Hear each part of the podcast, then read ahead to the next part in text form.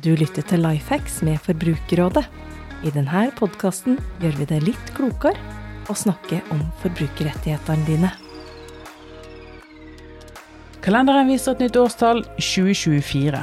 Vi har lagt bak oss to år med rentejusteringer som den ene etter den andre har rystet oss langt inn i beinmargen.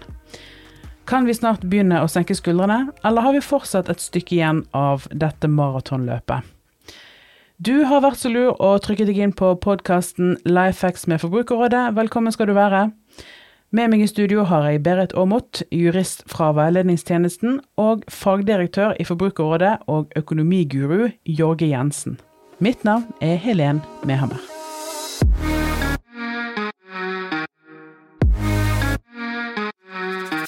Jeg tror vi starter med en fot i bakken, eh, Jorge. Eh, sist gang du var i studio var i september 2022, og det er jo en stund siden. Og vi kan vel være enige om at mye har skjedd med ja, vår økonomi siden da. Og da lurer jeg litt på, hva er den eh, generelle statusen i Norge nå? Ja, altså Med utgangspunkt i, i de siste målingene om økonomisk eh, sårbarhet i husholdningene, så, så, er det halvparten som er økonomisk trygg. Og så er det noen som et ganske stort segment under der, eh, på 35% som, som er utsatt, men de klarer seg. Eh, de har ikke så mye buffer. Og så har vi 16% som eh, sliter. Okay. Og hvis vi tar de som ikke Av disse 16% så er det da 151 000 husholdninger som ikke får endene til å møtes. Det er store og brutale endringer som har skjedd. Eh, ja, da, ja, og det er veldig fremmed for oss. Tilbake i 2020-2021 så var jo rentenivået null. Eh, det var både lett for bank å låne ut penger, og det var lett for folk å ta opp lån. Og så kommer denne virkeligheten som for få har vært forberedt på. De som er eldst blant lytterne, har nok kanskje vært borti en tilstand med, med rentenivå på, som er høyere enn nå. Eh, men da ble en del av dette spist opp av inflasjon. Så for den, si, den unge, voksne generasjonen i dag, så, så er dette brått blitt kjipere.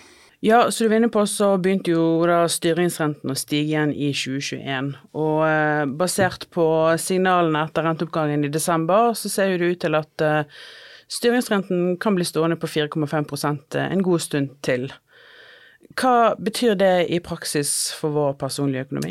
Ja, altså, styringsrente på 4,5 er ikke noe som er helt, helt fremmed historisk sett. Men det er denne smerten fra å gå fra 0 til 4,5 som, som, som, har truffet husholdningene. Eh, så får vi se hvor mye de av i år, da, i 2024, hvor mye de greier å tilpasse eh, økonomien vår. Eh, det er omstilling, og vi liker jo å, å, å være forbrukere alle sammen, men, men, eh, det tror jeg vi får se utover året. Ja. Betyr dette egentlig at vi kanskje har levd litt over evne? Ja, vi, vi har levd over evne. Og vi har også levd uh, med, med, å bygge gjeld. Mm. Og så fikk, uh, fikk dette, Denne trenden fikk en liten forstyrrelse under korona. For da fikk vi jo ikke lov til å leve som vi ville. ikke sant? Og, da, og veldig mye av vårt forbruk er jo kredittdrevet. Eh, når vi kjøper noe på internett, så er det en eller annen form for kreditt. Eh, det, det, kan man jo til å bli dyrere. Men, eh, men, trenden er det, også fordi at vår måte å handle på forandrer seg. Så må vi belage oss på at i alle år fremover nå, så, så kommer kreditt og gjeld til å øke i husholdningene. Mm. Hvilke elementer er det Norges Bank tar hensyn til når de vurderer om de skal sette renten opp eller ned? Ja, de, de prøver jo å favne bredt, da. Eh, og, det som kanskje er viktigst når de gjør den vurderinga, det er jo at de hele tida tenker på system. altså det økonomiske systemet. Det er det som, som, på en måte er deres hjertebarn. Og i den prosessen så får, uh, får, tar de litt, etter, etter Forbrukerrådets syn, litt lett på husholdningsøkonomien. Uh, de gjorde en beregning i desember om at det var ca. 2% som kom til å få slite med å betale tilbake boliglånene. Men det de ikke regner med, det er jo den andre, den gjelda som er liksom shoppingrelatert. Eh, og som er større, fordi at nordmenn er veldig glad i å betale boliggjelda si. Det, det, er noe av den boliglånsgjelda si, det, det, er noe som får prioritet. Eh, men hvis vi også tar hensyn til all den andre gjelda vi får, i tillegg til boliglån, så vil jo ikke eh, Norges Bank være like fokusert på den gjelda som det som relaterer seg til systemet. Altså det økonomiske system. Eh, de prioriterer i alle fall ikke husholdningene smerte like mye som Forbrukerrådet gjør. Hvordan eh, ligger Norge an eh, sammenlignet med andre land i verden? Ja, På rentenivået så, så, er vi jo faktisk ikke blant de som har det aller verst. Eh, jeg tror det var Tyrkia som har styringsrente på 40% Det kan man jo tenke på. Vi har mange andre land som har også høyere inflasjon enn oss. Eh, vi behøver ikke dra lenger enn til Baltikum, hvor de har tre-fire ganger høyere inflasjon enn hva det vi har i Norge. Og så vi jo, er vi jo velsigna med, med, en uh, rik stat som kan lage ordninger ganske fort. Annet den strømstøtta som det har gitt, det har jo lempa økonomien til veldig mange husholdninger. Ja, Men der, men der eh, sier jo de òg at uh, den strømstøtten den varer jo kun frem til 2025. Ja. Og så uh, er jo også signalene at vi må belage oss på på litt eh, høyere strøm mm, fremover. At det blir en ny normal der. Det kan bli, det, det ser jeg ikke bort ifra. Men den nye normalen eh, i Norge, sammenligna med det land rundt oss har, eh, eh, så, så, er det jo ingen som blir sjokkert over norsk nye normal på strøm. Du skal se litt bakover i tid og, og savne det, men, men, vi er ikke så langt unna det europeere flest betaler strøm lenger. Eh, når eh, det ble en ny renteoppgang i, i desember, så så jeg også en liten eh, kommentar om at eh, kronen også svekket seg litt. Hvorfor, hvorfor, er den så viktig? Den er først og fremst viktig for næringslivet. Fordi den avgjør hvor mye de bruker på å importere ting, og hvor mye de får ved å eksportere ting. For privathusholdninger så, så er det noe vi egentlig mest merker når vi er på ferie som forbruker så er egentlig rentenivået kanskje ikke det viktigste for oss. Der er det mer prisstigninga. Vi importerer jo en god del varer egentlig fra mm. utlandet, så det er vel der, eh, der, vi vil kjenne på det, da. Ja, det, ja, ja. ja. Og hvis vi husker på slutten av, eller i 2023 og 2022 for så vidt også, da, at maten også ble vesentlig dyrere. Eh, er det en sjanse for at det kan stabilisere seg noe der, eller vil det, disse mm. prisene fortsatt være en usikker eh, faktor? Ja, type sånn krig og, krig og mer sånn strukturelle ting i utlandet er bestandig vanskelig å, å, å få inn i regnestykkene. Mm. Det var ikke så mange som hadde i prognosene sine sett for seg i, i at det skulle f.eks. komme kom en korona, en pandemi av korona. I, i, i, disse økonomiske modellene så tok jo heller ikke med seg en krig i nærområdene til Europa. Så eh, det er bestandig vanskelig å predikere eh, på, på, på detaljnivå der. Eh, og, og, så tar jo de som spår, de tar jo feil. Ja, det er jo egentlig helt umulig å spå, spå fremtiden, egentlig, ja, ja, i bunn og grunn.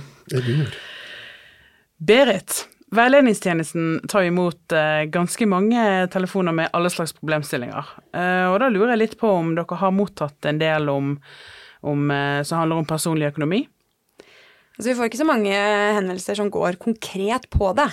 Men flere av henvendelsene bærer jo preg av at flere og flere har det vanskeligere økonomisk. Og da blir det jo enda viktigere med de forbrukerrettighetene vi har. Når prisene øker og man får dårligere råd, så handler det om at når man har rett, så må man få rett, og, og at det har større betydning eh, for folk, da.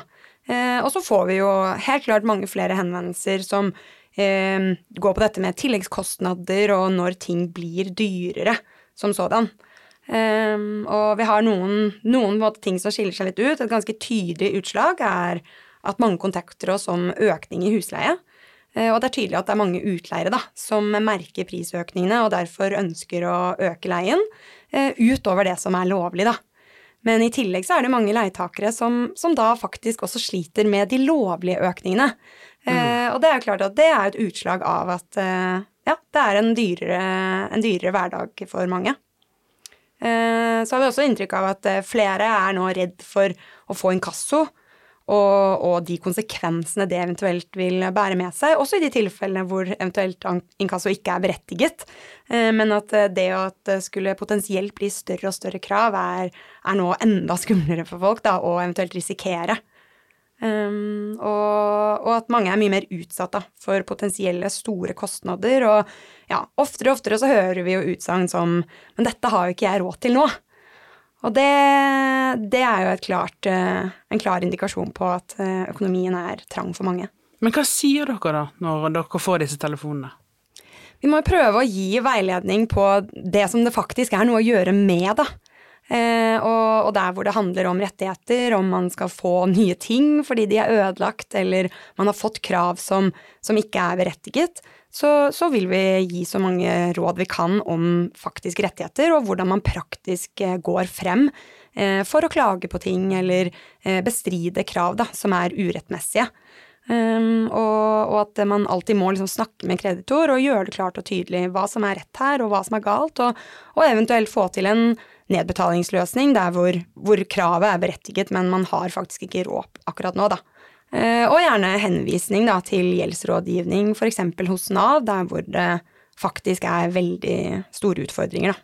Mm, så det er kanskje skummelt å ta den telefonen, men egentlig veldig, veldig lurt når, først, når det først har gått så langt. Så absolutt. Eh, man må få orden på hva er det man kan faktisk gjøre noe med, og få den hjelpen som man kan, kan få tak i, da.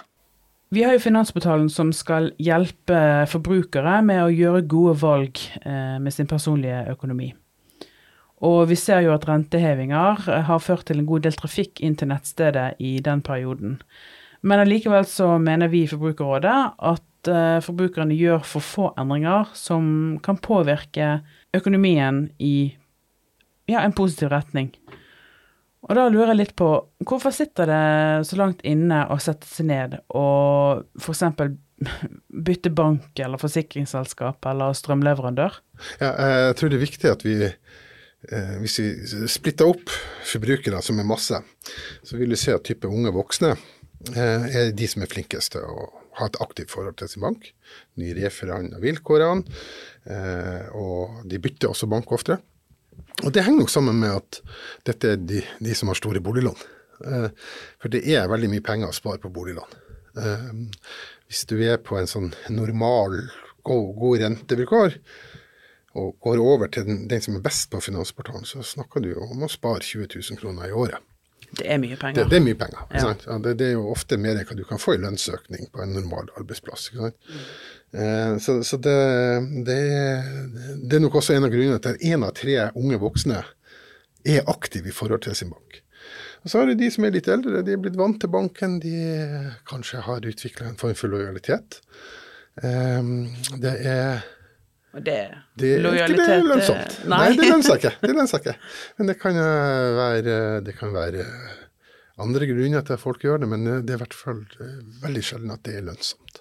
Tar det lang tid å eventuelt eh, skifte bank hvis du vil flytte sparepengene dine til, fra en bank til en annen? Tar det lang tid? Eh, nei, altså det, der er det hvis du flytter hele bankrelasjonen din, så tar det lengre tid. Men hvis du tar bare spareproduktet, eller bare boliglånet og flytter, så går det raskt. Mm.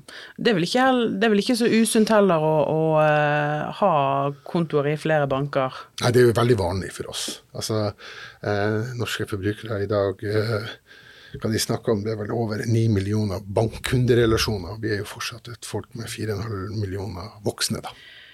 vi ser jo at det er Altså, det er jo fortsatt et uh, litt stort sprik i hvordan vi håndterer pengene våre. Uh, noen har ikke noe valg om å stramme inn, som er blitt nevnt, mm. mens noen fortsatt kanskje lever litt som, som før. Uh, og så ser vi jo òg at flere søker om avdragsfrihet i, i banken. altså, hva må til for å få avdragsfrihet? Det er en vurdering banken gjør helt individuelt. Eh, og så har de også eh, For de har jo En ting er jo hva som gjelder deg som kunde, men de har jo også en såkalt fleksibilitetskvote som de kan ta. De fleste bankene bruker ikke fleksibilitetskvoten sin fullt ut. Eh, så den, det, er, det, er, et ekstremt individuell vurdering. Eh, og avhengig av hvilken bank du er i. Eh, det går an å, å, be om et tilbud og se hva det blir og hva det koster. Og så ser man også da da vil du også få en nedbetalingsplan, så vil du se hvor mye er det dette på slutten av lånet kommer til å koste. For det, det er jo ikke det er jo ikke lønnsomt å ikke betale ned gjeld. Det er, det er bestandig lønnsomt å betale ned gjeld, men hvis, du, da, hvis alternativet er at du ikke spiser mat, eh, så, så vil jo jeg da anbefalt folk å, å eh, ta et avdragsfrihet. Så kan jo det hende at folk eh, også da har pådratt seg litt kredittkortgjeld, eller til og med også et forbrukslån. Hvis man sliter med å betale de to tingene, hva, hva kan være lurt å gjøre da? Er det, er det en av de som er best å beholde i så fall? Altså, Eh, Den kredittkortgjelda er den dyreste gjelda vi har. Det er den man skal kvitte seg med først. Um, og um, den, den er jo 20, ja, ca. 20 20, 20 pluss? 20 pluss Ja. eh, prosent. Forbrukslånene eh, er gjerne lavere enn det. Kan være nede i 12, kan være 15. Men eh, man begynner bestandig med den dyreste gjelden. Ja. Eh, nå er ikke det så veldig lenge igjen her. Eh, bare litt over til eh, unge forbrukere. de som gjerne ikke har boliglån, boliglån, men som kanskje har begynt å opparbeide seg et studielån. Noen har spart i BSU en stund, andre har ikke spart noen ting. Eh, har du noen eh, tips til de som er helt i starten av, av eh, livet? Hvordan de bør voksenlivet og begynne Ja. Altså Hvis du begynte å betale tilbake på eh, studielånet, og så merker du at økonomien ikke strekker til, så er eh, Lånekassa eh, veldig raus på å lage avdragsfrihet. Og vi har vel 36 ganger vi kan be om avdragsfrihet. Eh, bruk nå de før man eh, begynner med å dra på seg annen gjeld. Det, det, det vil jeg tenke er et råd å ta på seg.